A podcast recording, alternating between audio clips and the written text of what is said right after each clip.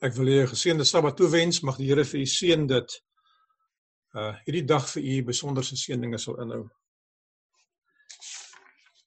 Voordat ons die woord van die Here oopmaak, wil ek vir u uitnooi om saam met my 'n gebed te doen en onsself aan die Here toe te wy. Dierbare koning Jesus, terwyl ons voor u staan as mense wat uit die lewe uitkom, wat onder moeilike omstandighede soos wat Israel in Egipte land was, in ballingskap, uh of eerder eerder in verdrukking, in swaar kry, in slawerny, is ons maar slawe van sonde en slawe van onsself. Here my gebed is dat U ons sal vrymaak vandag. Dat U deur die dinge van die wêreld sal deurdring tot in ons gedagtes sodat ons met God kan gemeenskap hê. Seën ons as individue, seën ons as families of miskien as groepe wat voor U verkeer vanoggend terwyl ons na hierdie boodskap luister of hierdie boodskap aanskou en dit beleef. In Jesus naam vra ek. Amen. Hierdie boodskap is 'n is 'n interessante boodskap. Uh ek kan vir hom baie titels gee. Die eerste titel wat ek hom kan gee is is kitskos. Dit wat 'n mens vinnig eet voordat jy by die plek kom waar jy tyd gaan neem om 'n volwaardige gebalanseerde maaltyd voor te berei. Ek kan dit ook 'n parentese noem of 'n tussenwerpsel. 'n Parentese is iets wat tussenin staan. Wat hier is 'n verhaal in die Bybel wat begin waar iets gebeur en ek het hierdie verhaal van tevore met u gedeel, maar ek gaan nie by hierdie verhaal stop nie. Hierdie verhaal het 'n is is iets wat gebeur en dan verskyn daar 'n man met 'n versoek en dan gaan die verhaal daarna weer aan.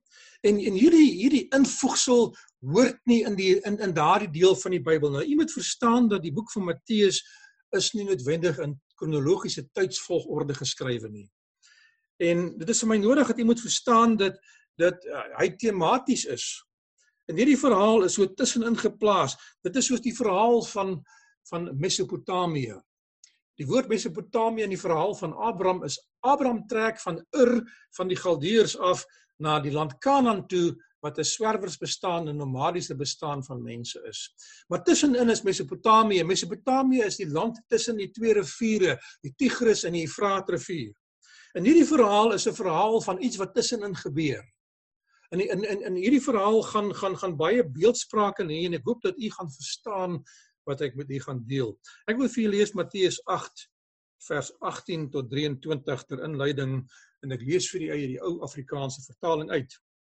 En toe Jesus groot menigtes rondom hom sien, het hy bevel gegee om te vertrek na die oorkant.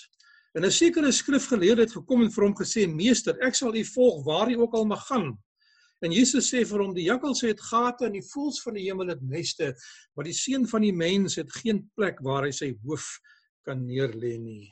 En hierdie is die hart van die boodskap in hierdie in hierdie enkele verse twee verse is daar 'n geweldige boodskap weggesteek wat ek graag met u saam wil uithaal uit die Bybel uit en deel van u lewe maak as u dit sal toelaat dat die Heilige Gees u gedagtes vrugbaar sal maak. 1987 het uh, ek myself uh, by die plek gekry waar ek waar ek deur my werk by die Nasionale Raad vir Blindes uh moes uitwerk weg van die huis af en ek het dit goed gedink om in daai tyd vir myself 'n selfoon aan te skaf soos wat baie mense begin doen het in daardie tyd. En uh dit was iets niets gewees.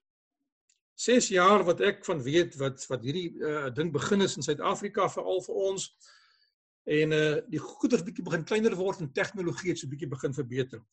Die persoon wat vir my die foon verkoop het, dit was nog 'n Alcatel so gryse gewees, onthou ek het vir my gesê meneer ek gee vir jou twee opsies. Ek gee vir jou 'n SIM-kaart wat elke keer gaan verander as jy die as jy hierdie hierdie uh telefoon opgradeer na 2 jaar of langer of ek gee vir jou 'n number for life en ek het geregistreer nou nou uh, vir 'n 'n nommer wat my lewenslank by my sal bly. Nou nou vandag ek het nogal baie selfone gehad sedert daardie tyd nog nooit het enige agent of enige enige enige uh, uh, uh, van hierdie netwerke vir my die vraag gevra of ek 'n nommer wil hê vir my lewe of net 'n gewone nommer nie. En dit is vir my altyd altyd nogal 'n uh, 'n probleem as ek iemand skakel en ek vind uit, uit daardie persoon het 'n nuwe foon gekry en die nommer het verander. Vir die afgelope 33 jaar het ek die nommer wat ek tans gebruik en ek het nog nooit 'n ander nommer gehad nie. Ek het al meer as een selfoon gehad wat ander nommers gehad het. En ek het ander SIM-kaarte gehad wat ek kon omruil as ek wou, maar hierdie SIM-kaart met hierdie nommer is die een wat my hooffoon is en ek gebruik hom tot vandag toe. My vriende wat my vriende was in daardie jare 33 jaar terug kan vandag nog vir my skakel op dieselfde nommer. Ek praat van 'n langtermynverhouding. En dit is waaroor die hart van hierdie boodskap vir my gaan. Die verhaal van 'n inlas. Hy hoort nie in hierdie verhaal nie. Sê maar ek stap van my studeerkamer af na my slaapkamer toe om iets te gaan haal. En langs die pad keer een van die gesinslede my voor en gee vir my 'n opdrag of vra vir my 'n vraag of stop my fisies om iets te doen of iets vir my te wys, soos dikwels gebeur in die huis. En dan as hulle klaar, dan gaan ek voort op my roete waarop ek op pad was. Maar dit gebeur so dat dat ek nou vir 'n oomblik gaan stil staan en vir myself sê ek was op pad om iets te gaan doen. Wat het ek gaan doen? Ek het al fisies omgedraai en teruggegaan sy leerkamer toe tot ek onthou wat ek moes gaan doen het. Nou jy weet waarvan ek praat. 'n Mens se gedagtegang word onderbreek. Dikwels as ek in die konsistorie staan, dan dan dan uh, gesels ek met die ouderlinge ek gesels met die amptenare voor hulle opgaan om sekere take te bespreek, maar ek probeer my gesprekke kort hou want my gedagtes is ingestel vir die dinge van die Here.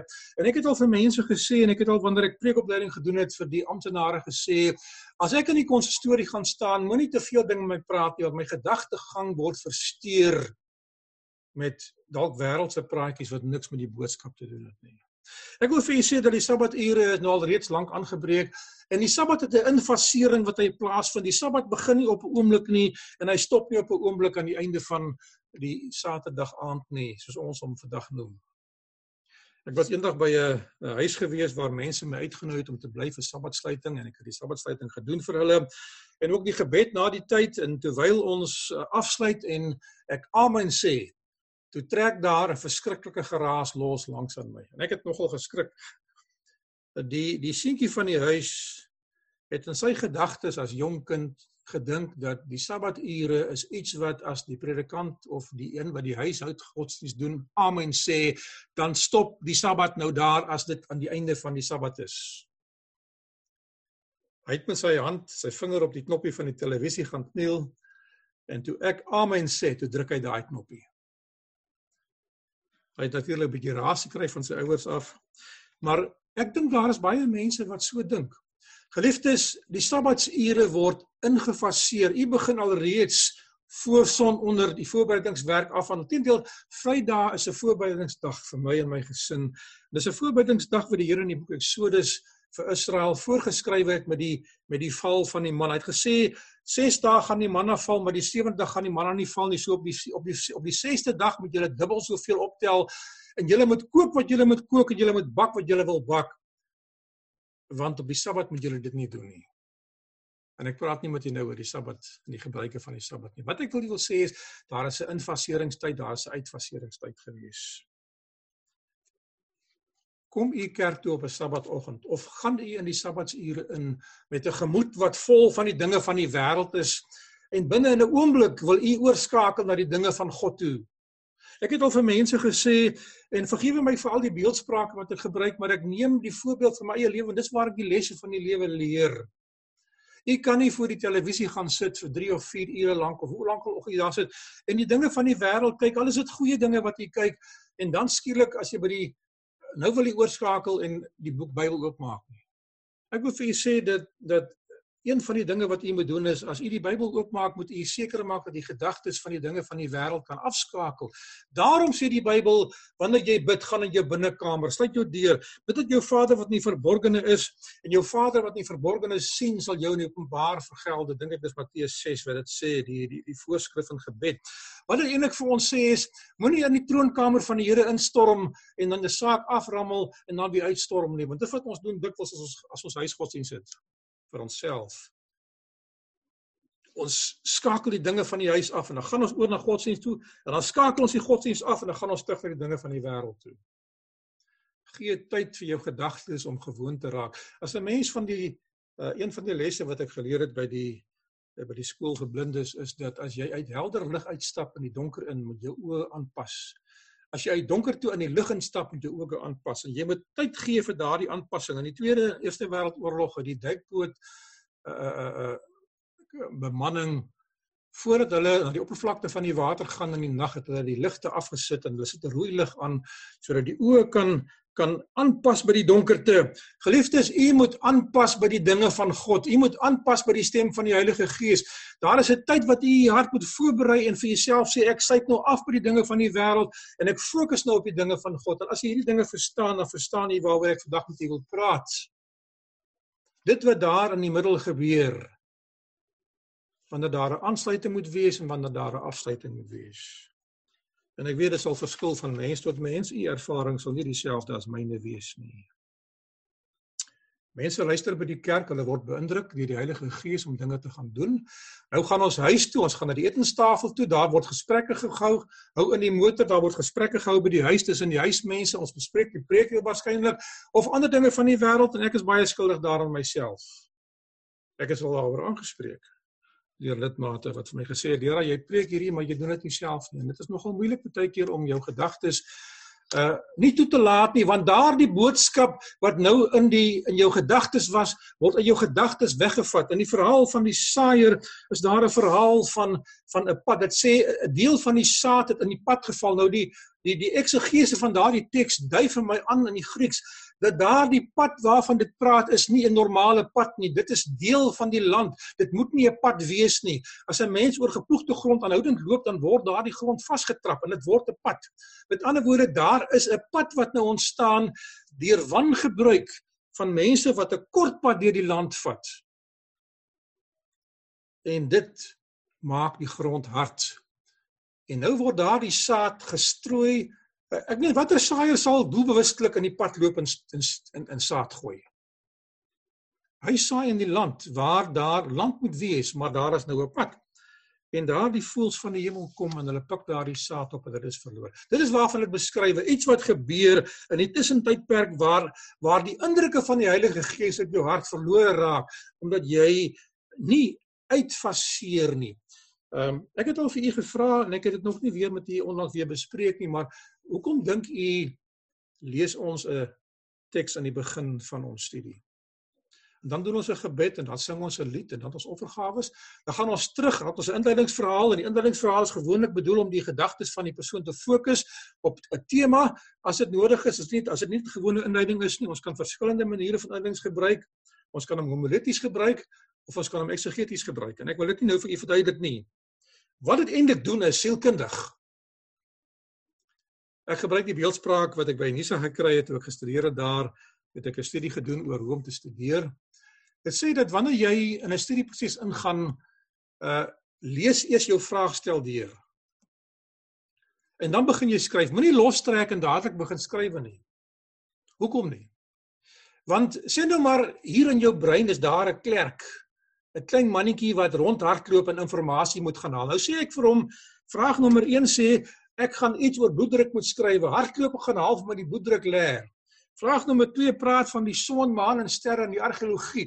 Gaan half van my daai gedeelte uit die leer uit en bring dit na my tafel toe want ek gaan dit als nodig kry. Nou pak ek, nou stuur ek vir hom rond. So so daai mannetjie hardloop rond, uh, dink beeldig en hy gaan haal inligting. Hy maak die laaitjies vir my brein oop wat ek gaan werk dan werk ek daarmee. So wanneer ek dan die vraagstel begin invul uiteindelik, dan is my gedagtes in pas met wat gebeur. Dit is die infasering en die uitfasering waarmee waarvan ek van u praat. En wanneer ek klaar is, dan bære ek weer die dingetjies terug.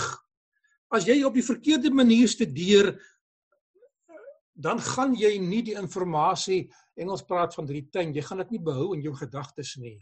Nou met godsdienst is dit dieselfde. Daar is 'n manier. Ek sê altyd vir mense, begin jou studie met gebed en sluit jou studie met gebed af en faseer in en faseer uit sodat dit wat daar in die middel gebeur het behoue kan bly en nie deur die voëls van die hemel opgepik word en wegraak in die lewe nie. Word jy beïndruk by die kerk om besluite te maak? U maak voornemens en dan gaan u terug huis toe en daardie voornemens word vergeete of as jy by die huis kom, lyk dit nie meer so erg nie. Daar is die verhaal van Matteus 21 vers 28. Twee seuns wat 'n opdrag kry.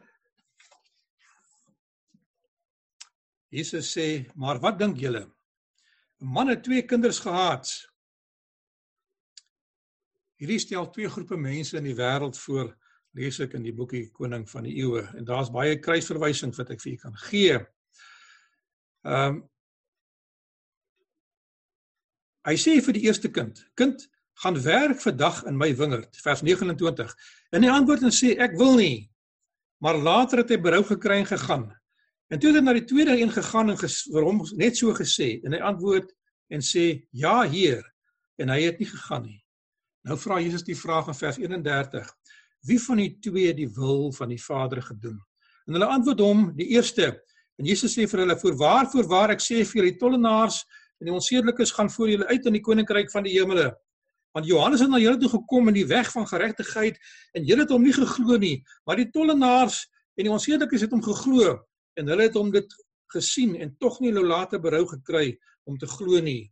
Die eerste en die tweede mense wat in openbare sonde lewe of in openbare lewe aan die buitekant dinge doen en daarvolgens geoordeel word wat lyk of hulle in gesindheid vir die Here sê Here ek wil nie doen wat u sê nie en ek wil nie aan u gehoorsaam wees nie maar dan is daar ander wat wat wat in hulle openbare lewe die skyn het dat hulle wel dinge gaan doen en sê met hulle lippe lippe taal Here ek gaan dit doen maar dan doen hulle dit in elk geval nie ek het uh, terwyl ek voorberei het vir hierdie boodskap daaraan gedink dat ehm um, Nou jy moet nie als wat ek vir u sê letterlik opneem nie. Ek gebruik dit by wyse van 'n vergelyking. Die grootste gedeelte van die 10 gebooie, amper 9 van die 10 gebooie, het te doen met die uiterlike dinge van die lewe. Die sigbare dinge van die lewe wat dit aanspreek. Terwyl een gebod, die 9de gebod, te doen het met die onsigbare dinge wat in die hart van die mens ingaan. En die Here het vir hulle gesê, hy wat hy wat uh, in sy gedagtes dink om sonde te doen, is op 'n gevaarlike pad, want dit is die kiem van sonde wat daar broei. Geliefdes, ek ek gaan met u 'n boodskap deel uh wat praat van die wagtyd. Die wagtyd is die gevaarlike tyd. Ons is nou in die wagtyd. Ons wag vir iets om te gebeur. Daardie tussenperiode, die parentese wat tussenin is. In die gelykenis van die van die 10 maagde wat almal gereed was om die bruidegom te ontvang. Hulle was almal gereed. As die bruidegom op tyd gekom het, sou hulle ingegaan het saam met hom. Maar toe kom daar 'n wagtyd in 'n krisis en die bruidegom is vertraag deur iets wat hy niks mee te doen gehad het nie. 'n Goddelike hand vertraag die bruidegom. En nou het die wat nie olie gehad het of ekstra gehad het, die wat nie voorbereid was nie, het nie gehad om deur te gaan nie. Ek wil met iets baie spesifiek deel. Ek lees in die gawe van profesie, getuienis deel dat uh wanneer ons van redmeesterskap praat, gaan ons in die week ons behoort in die week voorbereiding te doen vir offergawe op die Sabbat. En ek weet ons doen dit nou op 'n ander manier elektronies, maar wanneer ons fisiese offergawe na die kerk te bring, dan doen ons dit tog voor die tyd. Ons besluit of ons behoort te besluit ek gaan soveel offergawe vir die Here gee soos hy vir my geseën het. Is dit nie so nie? Baie van ons het die gewoonte om die beursie oop te maak en te kyk wat is daar in die beursie. Ons het nie beplan nie. U moet in die begroting geld op sy sit vir die werk van die Here by wyse van 'n offergawe. Dan doen u dit korrek. Teologies korrek. Maar nou gaan ek bank toe om en ek sê vir myself ek gaan vandag 'n 100 rand in die kerk insit. Ek gee vir net 'n voorbeeld. En nou na ek my geld getrek het, bel my vrou en sê my luister, jy moet tog brood en melk huis toe bring. Nou gaan ek by die kafee om en ek gaan koop brood en melk en nou vind ek my beursie daar lê R100. Nou gebruik ek van daardie geld om dit te koop. Nou nou wat oorbly is nou my offergawe. Die diensmaag van die Here sê as ek in my hart onderneem het om 'n sekere offer vir die Here te gee, moet ek dit deurvoer. Nou jy moet nie hierdie saak nou te letterlik neem en verder vat aan alles wat jy doen in die lewe nie. Hierdie praat van iets spesifiek. Ek het onderneem in my hart om vir die Here geld te gee. Ek het daardie geld op sy gesit vir die doel van die Here. Nou moet ek dit daarvoor gebruik. Ek moenie teruggaan op my gedagtes en dit weer verander nie. Dis wat dit beteken. Dis die beginsel agter die letter van die wet. Ek beloof ek sal kom help kerk skoonmaak, maar nou gebeur daar dinge en ek het ek het nie meer lus nie nou dat weet ek ek kan nie meer kom nie. Ek het my verbind tot die saak en nou draai ek om. Die ander kant van die verhaal.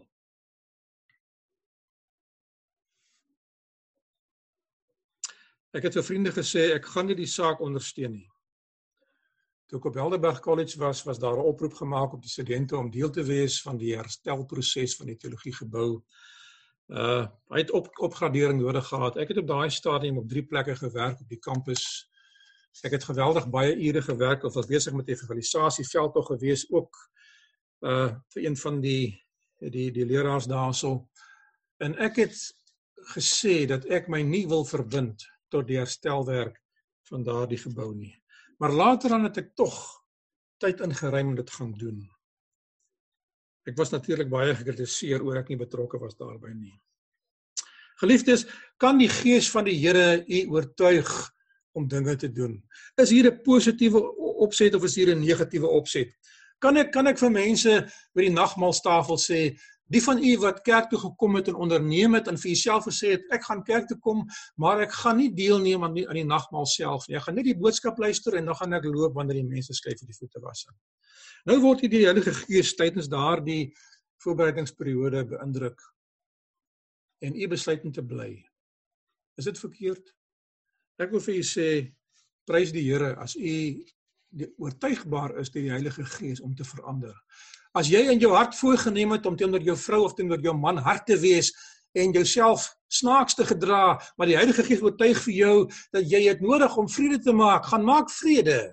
Laat die gees van God jou oortuig om die besluit wat jy gemaak het te verander. Maar wanneer dit by die dinge van God kom en jy 'n besluit vir Jesus gemaak het, moenie laat Satan kom en daardie besluit van jou ander nie. Moenie laat omstandighede van buite besluite wat jy klaar geformuleer het in die kerk gaan verander nie.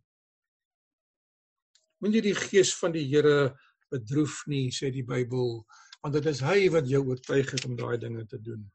Trots, hoogmoed, eie eer, Mense mag dink jy is wispelturig of swak as jy sekere dinge gaan doen wat die gees van die Here op jou hart plaas. Dit is nie so nie.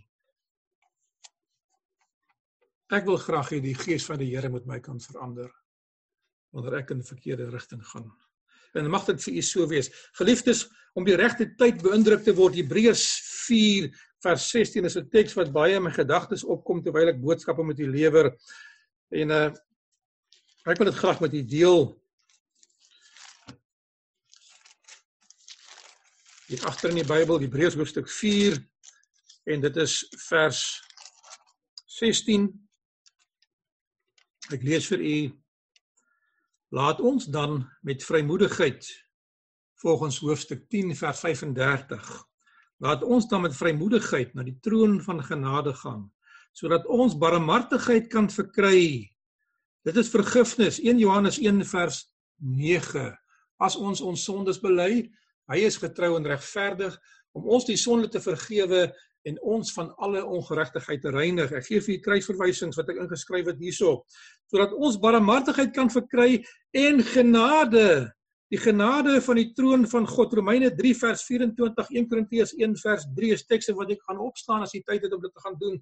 Daarom sê ek baie vir u as jy na 'n preek luister, kry vir jou papier en pen en skrywe neer wat die een wat dit aanbied vir u sê, want baie dinge het niks te doen met die boodskap direk nie, maar dit kan vir u die antwoord wees op die gebed wat u gebid het in die week.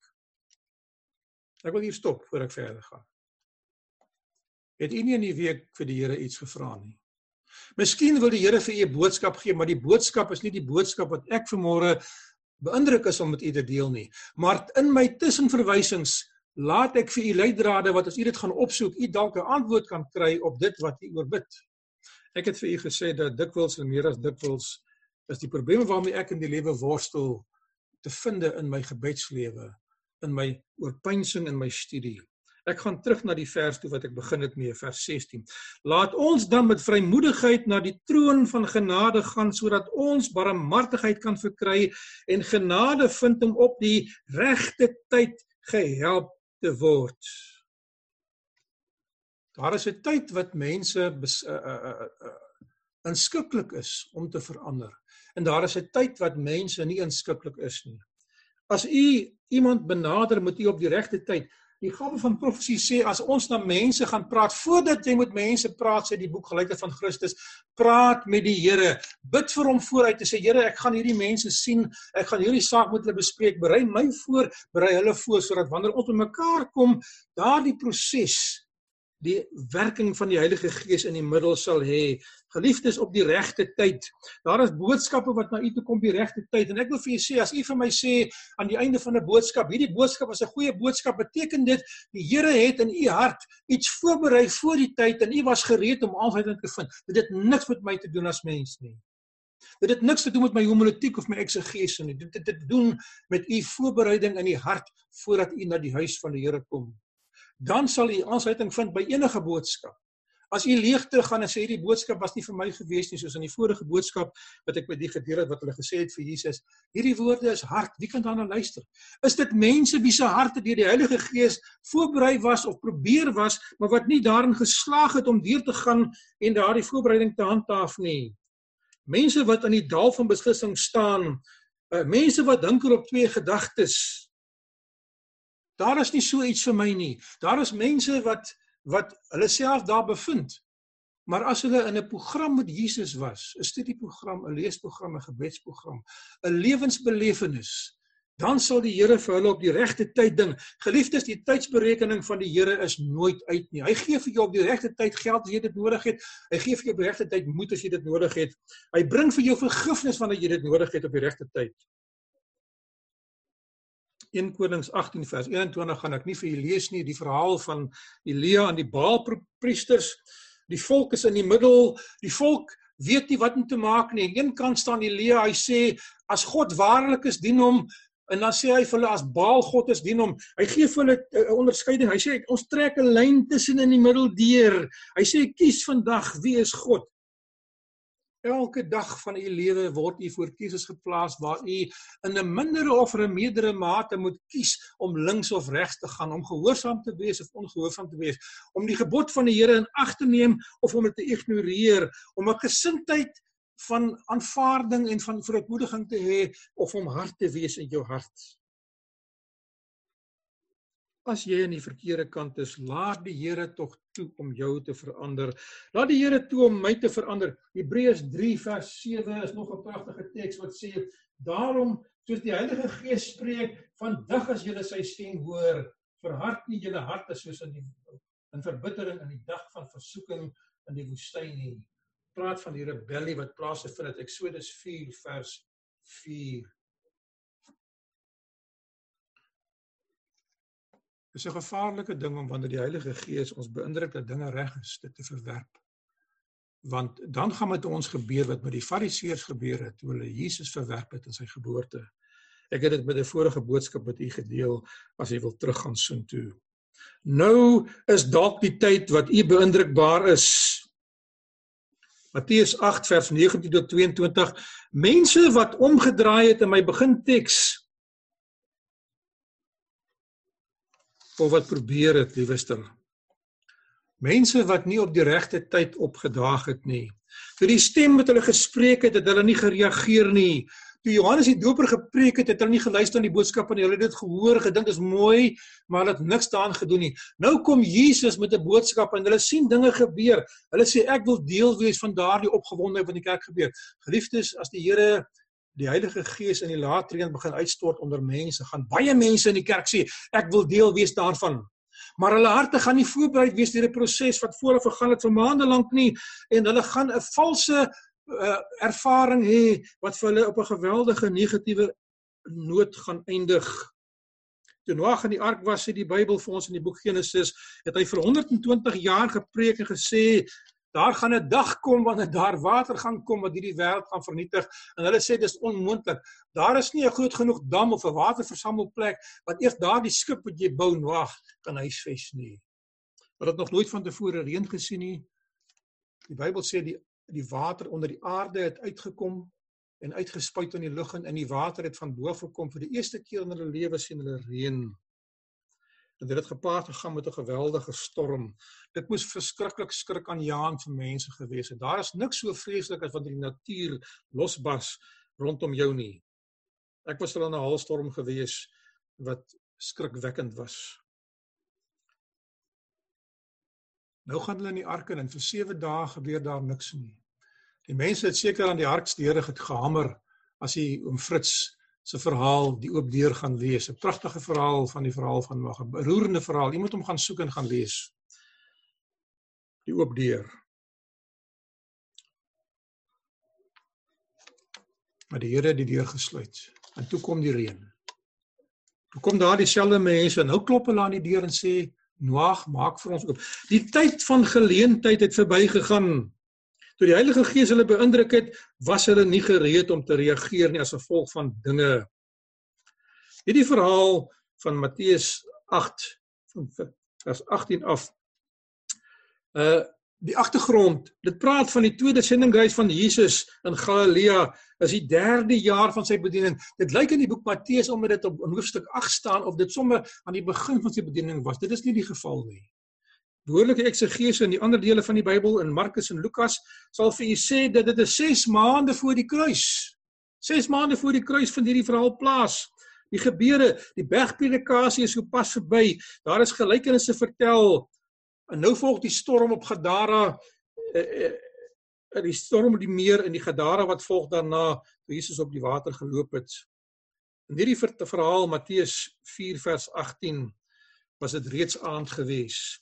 Markus 4 vers 35 die laaste opdrag van die dag is verby. Met ander woorde in die werklike verhaal wat plaasvind, die Here begin die skare huis te stuur want die dag is verby, die gebeurtenisse is klaar. Nou kom hierdie persoon Afrikaans sê mosterd na die maal en hy kom nou met 'n dwarsversoek na die Here toe. Jesus sê kom ons gaan na die ander kant van die muur. Hoekom gaan hulle aan die ander kant van die muur? Baie mense volg vir Jesus. Hulle luister na hom. Hy stuur hulle huis toe. Dit was 'n lang dag gewees. Hulle moet nou gaan oorpyns. Hulle moet daardie dinge wat hulle geleer het en waarvan die Heilige Gees hulle oortuig het in werking gaan sit. Geliefdes, u moet die dinge wat u leer in die bidure en die preke en die Sabbatskool lees, moet u gaan oorpyns. Anders te gaan dit verlore raak soos daardie saad wat deur die voëls van die hemel opgepik is in die gelykenis van die saaier. In vers 19 tot 22 van Matteus 4 uh is dit tussen uh dit is moet eintlik wees uh 8. Net seker maak dat ek nie vir u verkeerde verwysing hierso gee nie.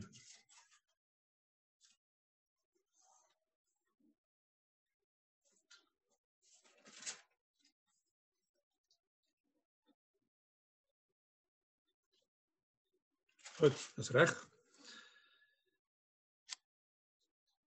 Matteus 8. Terwyl die mense vertrek, terwyl die disippels die boot gereed kry om oor te vaar aan die oorkant. Nou kom daar mense met 'n spesiale versoek. Doen gou vir my dit. Twee groepe mense, die gewone mense wat daar was wat in hulle harte voorberei is en wat die stem van die Heilige Gees gehoor en nou gaan om dit te gaan oorpyn sit wat oor 'n lang tydperk beïndruk was en die ander persone wat nou wakker geskrik het. Wat gebeur? Iets gebeur.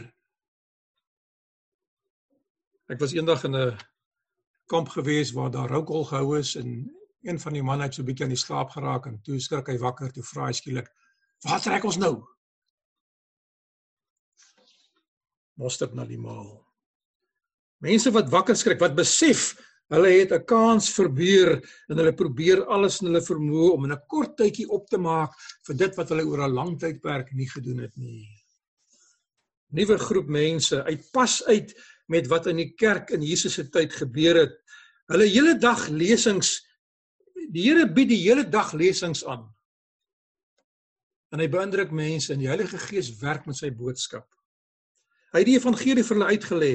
Nou verdaag hy die mense Nou storm daar iemand in die saal in en ek gebruik maar menslike beeldspraak in ons tyd. Hy stop die evangelis. Hy sê: "Vertel vir my gou wat beteken hierdie skrif?"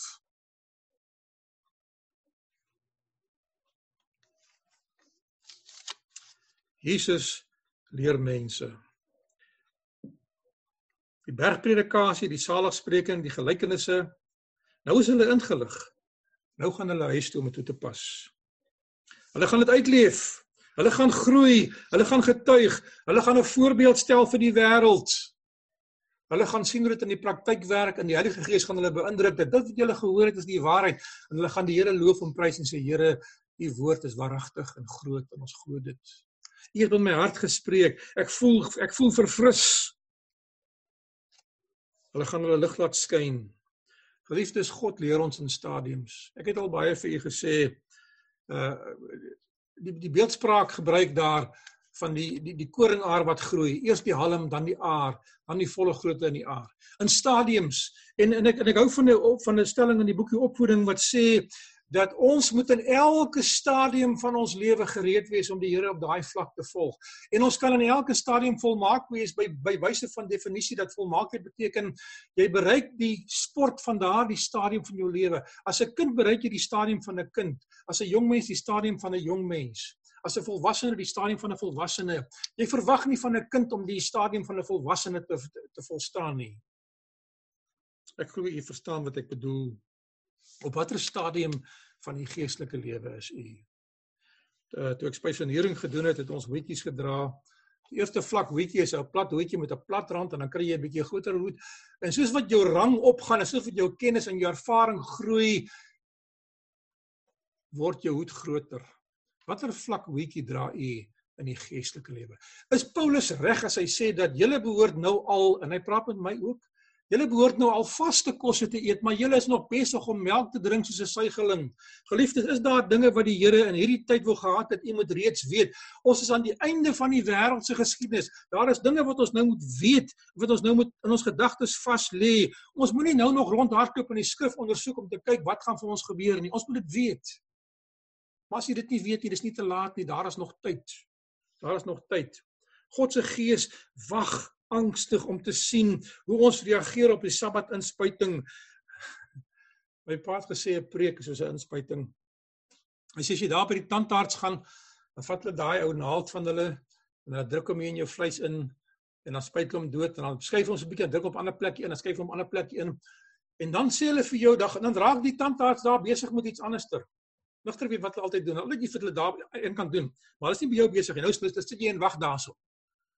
Nou hy wag vir daardie amper sê ek nou gifstowwe vir daardie daardie iets wat hy ingespuit het verdowingsmiddel om die vleis en die senuwee te verdoof glo ek. Ek is nou nie 'n mediese mens nie so ek weet nie al die dinge nie. 'n preek het nie die volle impak as jy hom die eerste keer geluister het of gehoor het of gelees het nie. Ek sê vir u dikwels en u glo my dalk nie, die preke wat op die internet is, gaan kyk hulle 'n tweede keer, u gaan agterkom daardie preek het 'n baie diepere betekenis. Gaan kyk hom 'n derde keer wanneer u so by die huis niks doen nie in hierdie tyd dalk. Miskien het u begin werk. En is nie 'n beskuldiging wat ek maak nie. Ek sê vir u as jy tyd het, gaan en gaan neem tyd of gaan maak tyd as jy dan tyd moet maak en gaan kyk van hierdie dinge weer jy gaan agterkom dat daar is altyd 'n diepere boodskap agter hierdie verhaal wat jy moet gaan lees.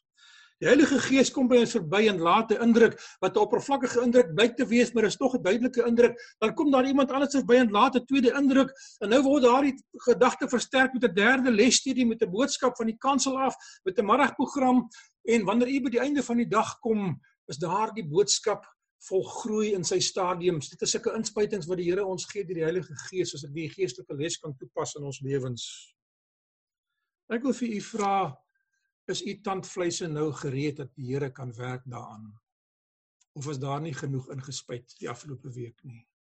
Het u nie in die persoonlike Bybelstudieprogram uh uh dit gedoen wat u moet doen nie by die huis, by die kerk? in die samelewing. Het jy 'n les gaan leer? Daar's sekere lesse wat ons moet gaan leer voordat ons kan verder die teorie ontvang. Ek was in 'n werk gewees waar ek kartografiese tekenwerk geleer het. Jy gaan vir 6 maande gaan jy tegniek ontwikkel, doen jy teorie, dan gaan jy vir 6 maande terug praktyk, dan doen jy die tekenwerk, dan gaan jy weer terug en so gaan jy deur jou kursus van 4 of 5 jaar totdat jy kwalifiseer. Werk dit anderster in die kerk van die Here?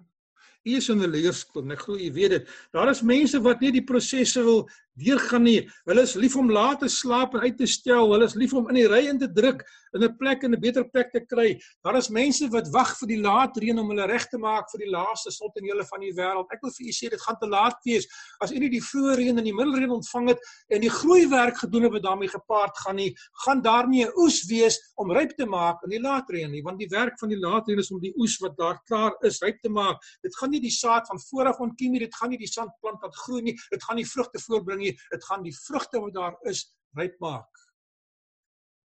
Ek glo jy weet dit, jy het al studies gedoen oor die uitstorting van die laatreëns.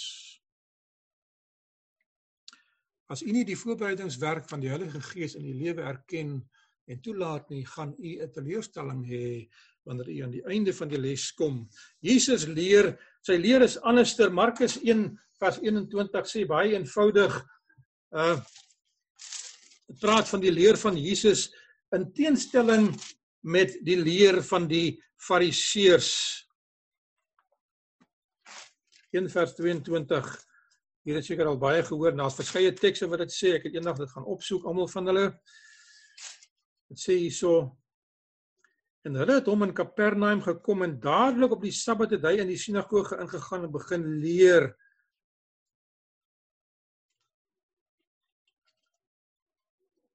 En hulle was versla oor sy leer vers 22 want hy het hulle geleer soos een wat gesag het en nie soos die skrifgeleerdes nie. Hy gebruik sy eie gesag. Hy haal nie die gesag van die rabbies aan nie. Hy quoteer nie die die dinge wat hulle in die Mishnah en die ander rabbynse geskrifte geskryf het nie. Hy haal onder die woord van God as die gesagsbron wat hy gebruik. Geliefdes, is u lewe 'n lewe wat insig aan die dinge van God toon. Is die dinge wat u preek, die dinge wat wys dat dit ondersoek is saam met die Heilige Gees.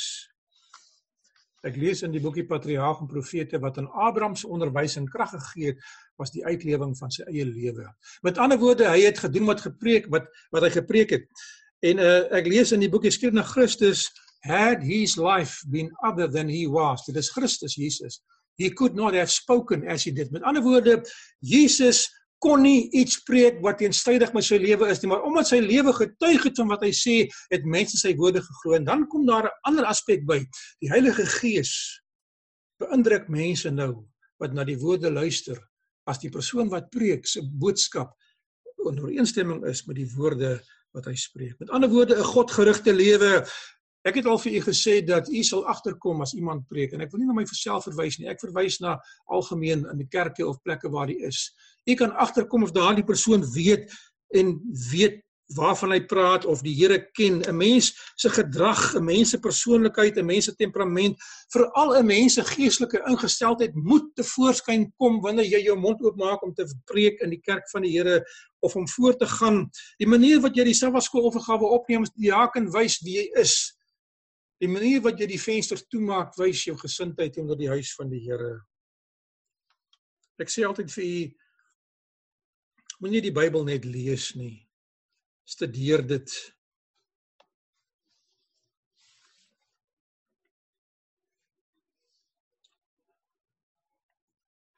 As u die Bybel lees, sal u nooit nodig hê om te soek vir 'n preek nie. 'n Preek sal u vind. Hy sal jou kry langs die pad. Want uit jou lewe uit en uit die leerskool van Jesus sal die Heilige Gees jou beïndruk waar die buitelyne van 'n boodskap sit. En dan kan jy daardie buitelyne gaan invul deur persoonlike studie. Uh, miskien moet ek hier oomblik stil staan. Ek het dit al vir u gesê die meeste boodskappe wat ek voorberei in die week het niks te doen met die spesifieke boodskap wat ek op 'n Sabbat na uit toe bring nie. Die boodskappe wat ek in die week voorberei het te doen om my as mens te verander en gereed te bring om die boodskap te lewer. En wanneer ek reg is, kan die Here vir my 'n boodskap gee. As ek nie reg is nie, kan ek nie 'n boodskap ontvang om af te lewer nie. Ek gee vir u lesse in homiletiek, die van u wat voor kerke staan uit my eie ervaring uit. En dit is jammer dat ek so ver gekom het op die lewenspad om nou eers hierdie lesse te leer. Ek het al so gewens ek kon as 'n jong mens hierdie dinge geweet het dan sou my bediening soveel anderster gewees het. Ek sê vir julle dikwels dat dat dat dat dat as jy na 'n brood kyk, Daar is growwe brood wat heilsaam is, wat wat baie voedingskrag be, be, bevat. En dan is daar brood waar die koringkiem uitgesif is en die vesel uitgesif is en die kleur is verander kunsmatig. As u nie vir u self studeer nie, dan vra u vir my om vir u daardie wit brood te gee terwyl die koringkiem die een is wat ek self studeer terwyl ek 'n boodskap vir myself voorberei. Ek wil vir u sê die Here gaan u voorberei deur die dinge wat u lees in die persoonlike bediening.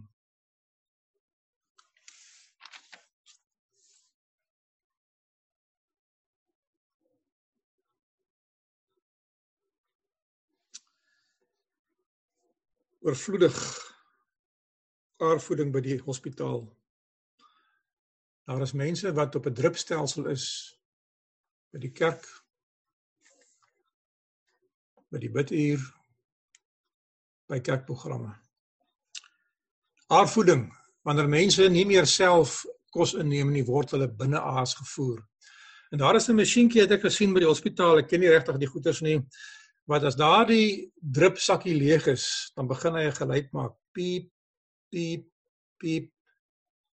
Ek moet nog kry. Dan kom die verpleegsters, die verpleegers en hulle ruil daardie sakkies om. Geliefdes, is u op 'n drupstelsel in die kerk waar u net Sabbatdae gevoed word. En in die week maak u siel piep piep piep want daar is nie kos wat inkom nie. My pleidooi is by u dat u sal voorberei sodat wanneer die Heilige Gees nodig het om vir u te beïndruk, u beïndrukbaar is. Ek wil teruggaan na die boodskap toe. Hier is 'n man wat na Jesus toe kom, nou dat Jesus se werk afgehandel is, nou dat hy die skare huis toe stuur. Nou kom hier iemand mos dit na die maal om te sê, Here, ek sal u volg waar u ook al mag heen gaan. Hy het niks vooraf gehoor nie. Hy weet nie wat die ander gehoor het nie. Hy is uit pas uit met die leerskool waaraan die ander geplaas is. Hy pas nie in hulle groep in nie. Hy druk in die ry in vir kitskos, as ek dit so kan stel. Hy wil nie die dissipline van die lewe gaan en self leer nie. Hy's 'n fariseer. Hy het nie die dinge nodig nie. Dink hy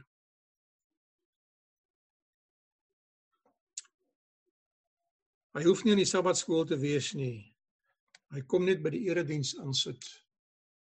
Want hy ken die Bybel. Hy studeer self by die huis, sê hy. Hy sê meester, ek sal u volg waar jy my ook al heen gaan. Hy praat lippetaal.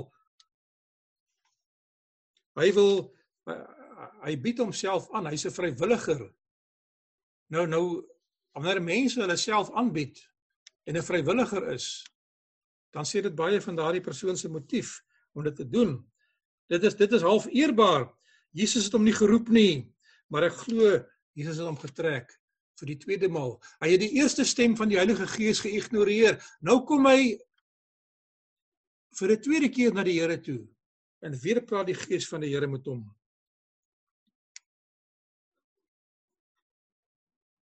Die disippels van Jesus volg hulle meester Hulle dra die juk van Jesus. Hulle leer van hom in die daaglikse skool. Hulle doen wat hy sê. Nou word hulle gestuur en hulle is gereed om te gaan. Hulle ontvang krag van die Heilige Gees om in staat te wees om hierdie dinge te doen. Hierdie Fariseer het nie in daardie leerskool gegaan nie. Hy wil 'n kort pad vat. Hy is reeds 'n wetsgeleerde. Hy ken die wet, dink hy. Hy het nie nodig om opgelei te word nie, maar hy geniet die die aansien van mense. Hy lewe in oorvloed en gemak. Hy het 'n groot sosiale vriendekring, sê die bekoning van die eeue. Hy hoor Jesus se oproepe na die gewone mense toe in Markus 4 vers 19 en uh Goed, dit lyk soos Lukas 2 vers 14. Jy kan na die tekste gaan naslaan. Geliefdes, die die kommentaar op hierdie teks sê dat Jesus roep nooit mense weg van hulle plig af nie. As die Here jou ergens geplaas het, wil hy hê jy moet hom daar dien. Tensy hy vir jou met 'n oproep en met 'n baie sterk indruk van die Heilige Gees 'n pad aandui wat na 'n ander plek toe gaan waar jy vir hom moet dien. Martin Luther skryf en hy sê hy sal bly by die plek waar die Here hom geplaas het, aanvanklik tot die Here hom daarvandaan weggeloop, kan jy lees in die boekie Groot Stryd. Hulle volg Jesus waar hulle is in hulle daaglikse lewe. Soms roep die Here ons om 'n stappie verder te gaan. Miskien hoor u so 'n stem, miskien hoor u nie so 'n stem nie. Luister wat die Gees van die Here vir u sê. Wat moet u doen om 'n voltydse disipel van Jesus te wees.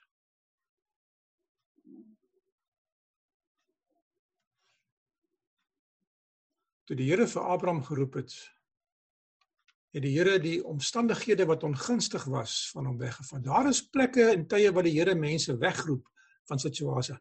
Die Here mag jou wegroep van 'n werk af wat nie gunstig is nie. Die Here mag jou uitroep uit 'n verhouding uit, het in die vorige boodskapie gesê wat nie gunstig is nie. Die Here mag jou stuur na 'n plek toe waar jy dalk nie wil gaan nie. As gevolg van baie redes, sal hierdie ryk jong man, 'n fariseer, 'n owerste, 'n skrifgeleerde by naam daardie lewe van luksheid prys gee om die eenvoudige, armoedige, vervolgde lewe van Jesus wat vol beproewinge was, vol opoffering in tyd en middele met baie min gemaksug. Sal dit prys gee? Ons water was die afgelope 24 uur af. Ons water het net so skuins voor 5 uur vanmiddag aangegaan vir die eerste keer. So dit gister, die vorige dag. En ehm um, dit was nogal lekker om die water te hoor om aan te gaan. Ek het myself gedink is ons gereed om in 'n tydperk wat voor ons lê miskien die luksehede van ons huise prys te gee, die warm bed, die warm water, die oorvloed van water. Of gaan ons baie swaar kry as dit gebeur? Ek wil vir julle sê dat daar lê dalk vir ons dinge voor. Ek het 'n onderhoud gevoer met 'n man met een stadium uh by die nasionale raad. Hy kom aansoek doen vir 'n werk. Hy stap uit 'n salaris uit van ongeveer R7000 in 19 uh 88. Ja, ja, 88. Ek sê vir hom meneer, hoekom wil jy hierdie werk? Hy sê nee, dit lyk na baie goeie werk. Hy is lief vir die natuur. Hy's lief om met mense te werk. Ek sê vir hom jy weet dat jou salaris is ongeveer 1200 rand 'n maand. Gaan jy daarmee kan klaag? As jy dit maak nie saak nie. Ek sê vir hom gaan terug en kom oor 'n week terug dan voer die onderhoud verder met jou. Hy het my so die Woensdag gebel te sê vir my nee. Hy het gedink oor die saak. Hy sal maar nie verder sy aansoek voortsit nie. Hy het nie geweet die salarisse is so geweldig swak as jy vir die welsyn van die staat werk nie. Geliefdes, Die Here sê vir baie mense, julle moet die koste bereken. Die jakkals het gat en die voëls van die hemel het neste, maar die seun van die mens het nie 'n plek waar hy sy hoof kan neer nie. Wat is die rede agter hierdie hele verhaal? Het hy gedink die Here sal beïndruk lief met hom met sy geleerdheid, met sy stand, met sy welvaart? Hy het so gedink. Jesus se antwoord in vers 20 is soos ek pas vir u aangehaal het. Dit is 'n realiteit, 'n werklikheid. Is u dalk geskok deur die werklikheid wat die evangelie boodskap vir u praat? Lukas 14:25 sê dat ons moet die koste bereken. Jy kan nie na 'n stad toe gaan wat 5000 mense het met jou 2000 mense en hulle wil aanval nie. As jy as jy 'n huis wil bou, moet jy seker maak jy die regte hoeveelheid materiaal, anders gaan jou huis halfpad gebou word en hy gaan bly staan. Ek onthou daar in Middelburg was daar 'n kerk wat begin was en hulle het die fondasie gegooi met 'n effense hoë muurtjie uh en Die tyd wat ek daar was, het ek by daardie plek verbygery want daar het vir my gesê hierdie gemeente het begin en hulle het nie die finansies gehad om voort te gaan nie. Geliefdes, hoekom gebeur dit? 'n Emosionele besluit. Mense is bang vir die oordeel en hulle soek die voordeel van om naby Jesus te wees. In die laaste dae gaan daar boodskappe uit die Bybel uit op die hart kom wat vir u sê die tyd van die einde is naby. Wat vir u sê alle dinge is op hande. Die tekens is aan die muur. Die die, die tekens van die tye wat gebeur, die geweld, die onrus, die politiek, die kulturele uh, dinge wat aangaan. En u gaan beangs word in u hart en u gaan vir sê ek is dalk nie in dieselfde kamp nie. Die Heilige Gees gaan vir u oortuig dat u dalk in die verkeerde kamp is. En nou gaan u na die Here toe kom, maar u het nie in die voorafgaande maande die stem van die Heilige Gees geluister nie. Ek is bang om jong mense wat by jeugkampe is te doop as 'n prediker 'n emosionele oproep gemaak het want hulle het nie deur die leerskool gegaan om voorberei te word in 'n doopklas nie. Hulle het nie oor 'n lang tydperk kans gehad om saam met die Here en saam met die woord van God te verander en te leef en wedergeboorte te ervaar in sy volle ontwikkeling nie. Om in die omgewing van die oomblik tot bekering te kom is nie altyd die beste nie want dit is emosioneel. Dit is gebaseer op uiterlike omstandighede. Die hart is beïndruk, maar die hart is nie verander nie. Dit is gevaarlik om 'n onwedergebore hart vir die Here te bring. 'n Hart wat onwedergebore is, sal reageer op 'n boodskap. Maar sal nie wil die voorbereidingswerk doen wat daarmee gepaard gaan nie. Die Heilige Gees het hom nou beïndruk. Maar net nou as hy uitgaan, gaan die wêreld hom net so beïndruk. Ek het vir julle in die begin gesê baie mense sit in die kerk en word beïndruk deur die stem van die Heilige Gees dat hulle dinge moet doen. En ek weet nie wat die Gees van die Here vir u sê u moet doen in hierdie tyd nie. Tussen hierdie reine van die boodskap sal die Heilige Gees in u gedagtes dinge plaas wat u aan sal dink wat hy daar wil plaas. Maar as jy weggaan van hierdie boodskap af en weggaan van die dinge wat jy doen, gaan jy dalk by 'n plek kom waar ander dinge van die wêreld, daardie gedagte wat jy gehad het, gaan wegvat, soos die voëls van die hemel die saad en daardie gemaakte pad in die land weggevat het. 'n Ander disipel in vers 21 kom, hy sê ek sal u volg. Ek kon net eers gaan my pa te gaan begrawe, die die gees van profesie sê sy pa was nog nie dood gewees nie. Hy vra vir tyd. Hy wil later kom. Hy's beïndruk om te kom, maar hy kan nie nou kom nie. Hy's nou besig om sy pa te versorg. Geliefdes, as die Heilige Gees u beïndruk om 'n ding nou te doen, is dit die tyd om dit te doen en nie later nie.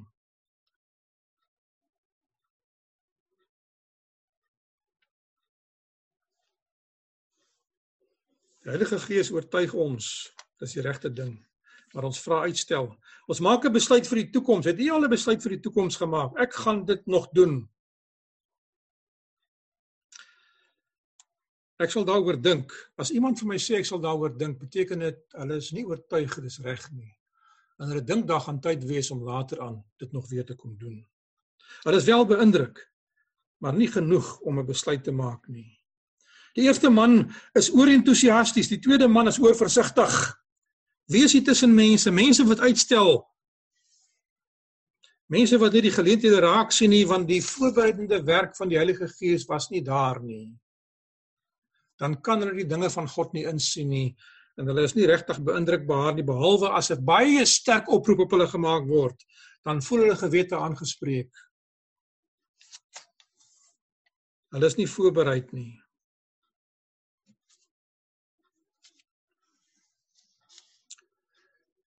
Hulle het nie gereageer toe die eerste oproep gekom het nie. Hulle sê ek sal later kom. Hulle het op 'n emosie gereageer wat verkeerd was. Jy moet 'n konsekwentheid in die toenadering tot die Here handhaaf. Ons lees dikwels hier en ons lees daar in die Bybel. Ek wil vir julle sê, kry vir jou hoofstuk, kry vir jou gedeelte in die Bybel. Bestudeer 'n tema of 'n onderwerp, werk met 'n studieplan wat baie beskikbaar is. Daar's baie sulke planne. As ons kerk toe kom, berei voor in ons gedagtes om 'n seën van die Here te ontvang. Bid vir 'n seën. Paulus sê wanneer ek wanneer ek my boodskap voorberei, moet julle vir my bid sodat ek wanneer ek die boodskap lewer, die regte boodskap sal aflewer. As julle 'n verkeerde boodskap vandag hoor, is dit omdat julle nie gebid het vir my nie. Ek kan dit nie anders stel vir u nie. Daar mag ander redes ook wees dat ek nie in die plan van God was in hierdie week om voorbereiding te doen nie. Daarom het die Here my nie na 'n boodskap toe gelei wat in my hart gekom het nie. Ons lewens dikteer ons godsdienstige aanbidding. Ons is te besig met ons eie dinge. Ons het nie tyd vir die dinge van God nie. Ons is verstrik deur die dinge van die lewe. Ons is oorweldig deur ons familie. Ons is behep met die dinge wat nou gebeur in die wêreld. Ek kyk na die media en ek sien wat aangaan. Ek wil vir u weer sê en ek sê dit feitelik in elke boodskap moenie betrokke raak by die dinge wat nou in die wêreld en die gedagtes van mense is nie. Satan plaas daardie dinge in 'n vergrote vorm voor die aangesig sodat jy daarmee kan besig wees in die werk wat nou besig moet wees in die hart. Dit dien u nie. Die verseelingswerk, die voorbereidingswerk, die uitsorting van die laatvrediens gaan binnekort plaasvind. Dit gebeur al reeds in res die aandele van die wêreld. Ek vra myself vra die afvraag af in Suid-Afrika, hoekom gebeur dit nie hier in so volheid soos in ander lande soos Brasilië nie? Soos in Afrika nie. Ons is baie aktief in die plesier en die genietinge van die lewe. Maar ons is baie skraars wanneer dit by die dinge van die Here kom. Sommige nie almal nie. Ons sit in die diens in die stilte van die diens oorweldig ons. En ons word onderste bo geslaan deur die boodskap van die Bybel as ek my eie taal kan gebruik. En ons word beïndruk om te verander, maar ons harte is nie voorberei om te verander nie. Geliefdes, as u met 'n onvoorbereide hart kerk toe gaan, gaan u dalk 'n mislukking kry. Jy gaan terug aan huis toe en daardie boodskap gaan verdwyn. Jy gaan vlerke kry en wegvlieg. Dit is 'n verhaal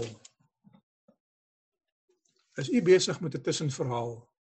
Die Here is besig met 'n plan van die lewe en daardie plan moet tot 'n uitsluitsel kom. Maar tussenin gebeur daar nou iets. 'n Wagtyd wat u verhinder om die groter plan van God raak te sien. My gebed vir u is dat u die Here sal bid en ek die Here sal vra. Here, fokus my oë nou op die dinge wat van toepassing is nou. Help my om nie die dinge wat in die wêreld gebeur raak te sien nie. Ja, ek slaan daarop ag. Ek is versigtig daaroor.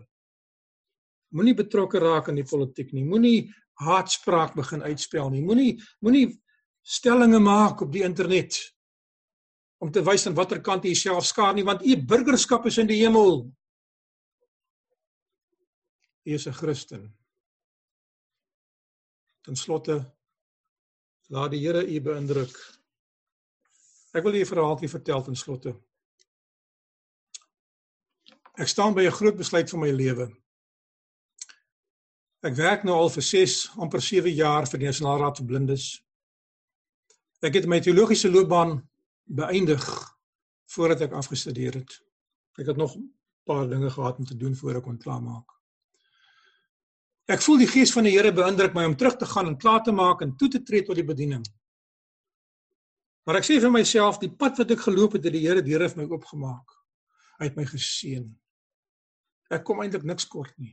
Ek is gelukkig, ek doen 'n eerbare werk waar ek vir die Here werk.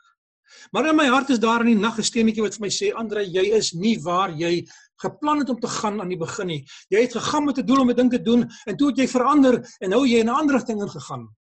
Gaan terug na die plek toe waar die Here vir jou in die eerste plek wou geplaas het." Ek is daar in Sunnyside besig op daardie stadium van my lewe Ek het so so rooi skotse hoetjie gehad wat ek gebruik het as ek opleiding doen in die straat. Ek is maar nie baie haar op my kop nie, so ek het 'n bietjie bedekking nodig gehad. En hierdie hierdie skotse hoetjie het ek gedra vir amper 6 jaar. Dit het half 'n kenmerk van bediening geword met blinde mense. En uh Terwyl ek met die Here worstel oor wat ek moet maak.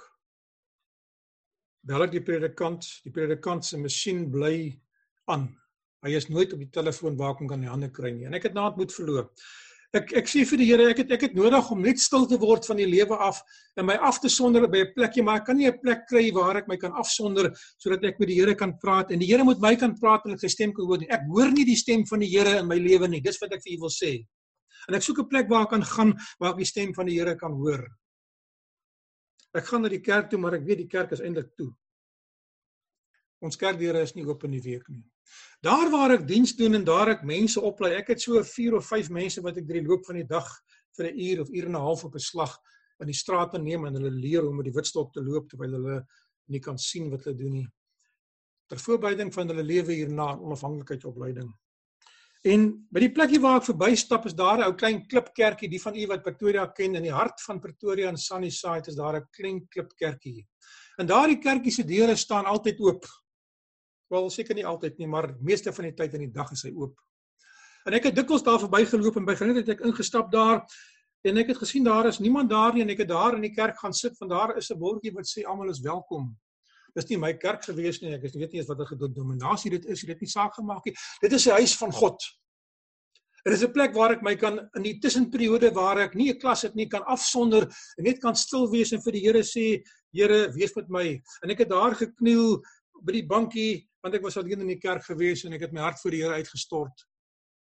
En uh ek het weer gaan sit op die bankie. Dit is 'n houtbankie, is baie eenvoudig in die kerk. Nie 'n luxe kerk nie.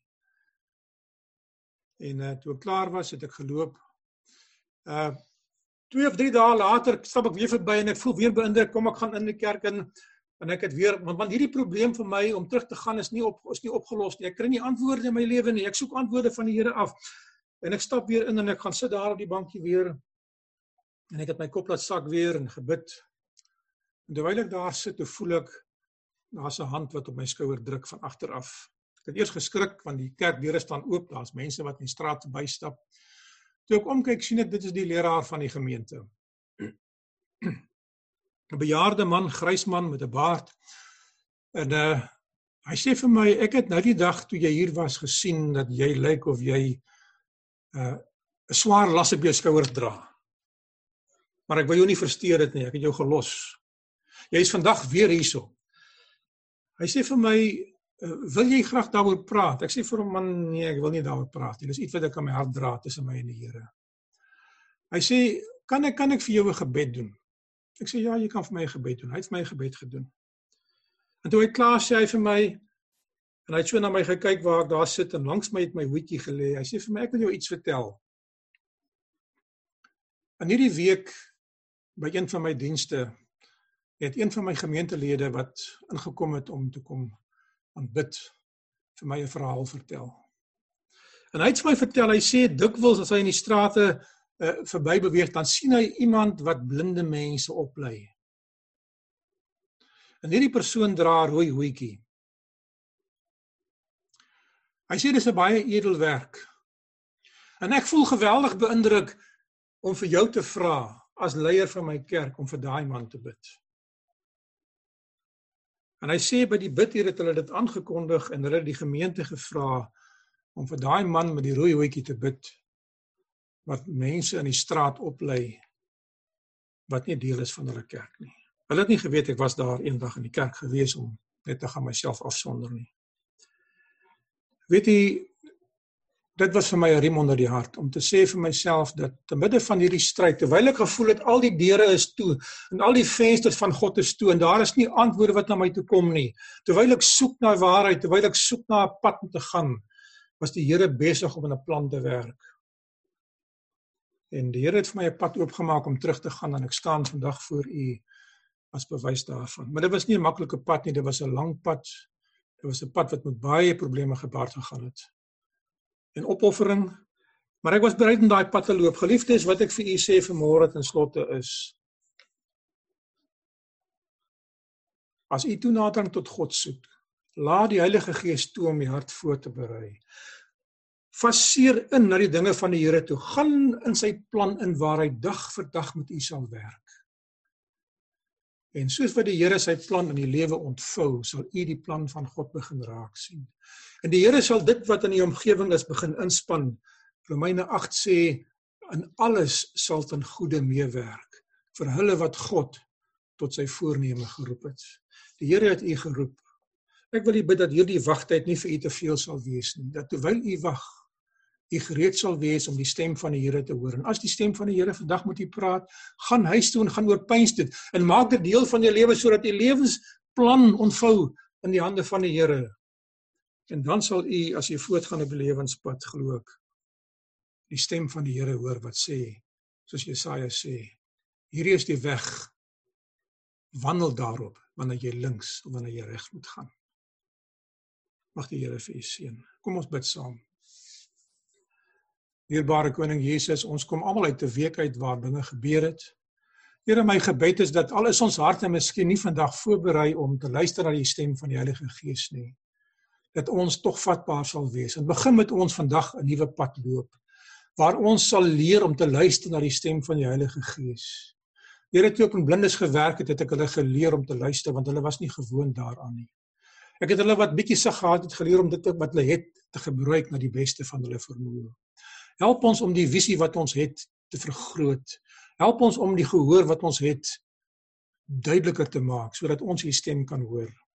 En Here, as daar iemand is wat vanmôre voel dat u met hulle spreek, bevestig dit sodat hulle kan weet u gee vir hulle ook om vandag. Seën ons almal in Jesus naam vra ons dit. Amen. Geliefdes, die Here sal vir julle seën. Die Here sal julle behoed en bewaar. Die Here sal sy aangesig oor u verhef en u vrede gee in hierdie tyd. Amen.